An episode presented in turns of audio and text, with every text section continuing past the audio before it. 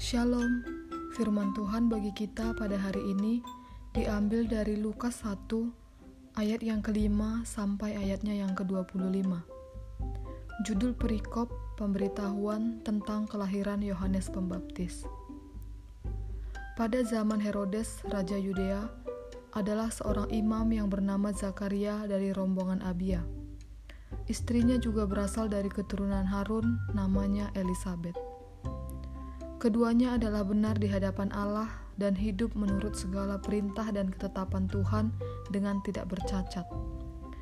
Tetapi mereka tidak mempunyai anak, sebab Elizabeth mandul dan keduanya telah lanjut umurnya. Pada suatu kali, waktu tiba giliran rombongannya, Zakaria melakukan tugas keimaman di hadapan Tuhan.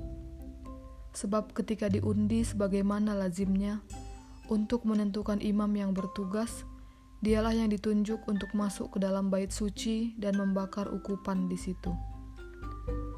Sementara itu, seluruh umat berkumpul di luar dan sembahyang. Waktu itu adalah waktu pembakaran ukupan. Maka tampaklah kepada Zakaria seorang malaikat Tuhan berdiri di sebelah kanan mesbah pembakaran ukupan. Melihat hal itu, ia terkejut dan menjadi takut. Tetapi malaikat itu berkata kepadanya, "Jangan takut, hai Zakaria, sebab doamu telah dikabulkan, dan Elizabeth istrimu akan melahirkan seorang anak laki-laki bagimu, dan haruslah engkau menamai dia Yohanes. Engkau akan bersuka cita dan bergembira, bahkan banyak orang akan bersuka cita atas kelahirannya itu."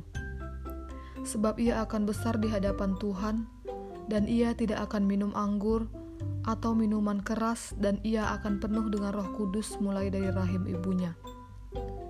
Ia akan membuat banyak orang Israel berbalik kepada Tuhan Allah mereka, dan ia akan berjalan mendahului Tuhan dalam roh dan kuasa Elia, untuk membuat hati bapak-bapak berbalik kepada anak-anaknya, dan hati orang-orang durhaka kepada pikiran orang-orang benar, dan dengan demikian menyiapkan bagi Tuhan suatu umat yang layak baginya.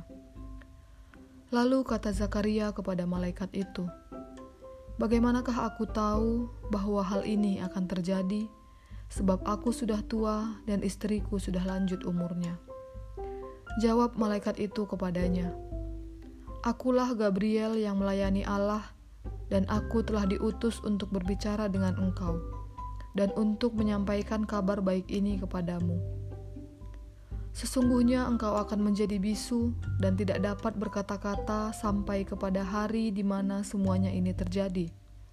Karena engkau tidak percaya akan perkataanku yang akan nyata kebenarannya pada waktunya. Sementara itu orang banyak menanti-nantikan Zakaria. Mereka menjadi heran bahwa ia begitu lama berada dalam bait suci. Ketika ia keluar, ia tidak dapat berkata-kata kepada mereka dan mengertilah mereka bahwa ia telah melihat suatu penglihatan di dalam bait suci. Lalu ia memberi isyarat kepada mereka sebab ia tetap bisu. Ketika selesai jangka waktu tugas jabatannya, ia pulang ke rumah. Beberapa lama kemudian, istrinya mengandung dan selama lima bulan ia tidak menampakkan diri.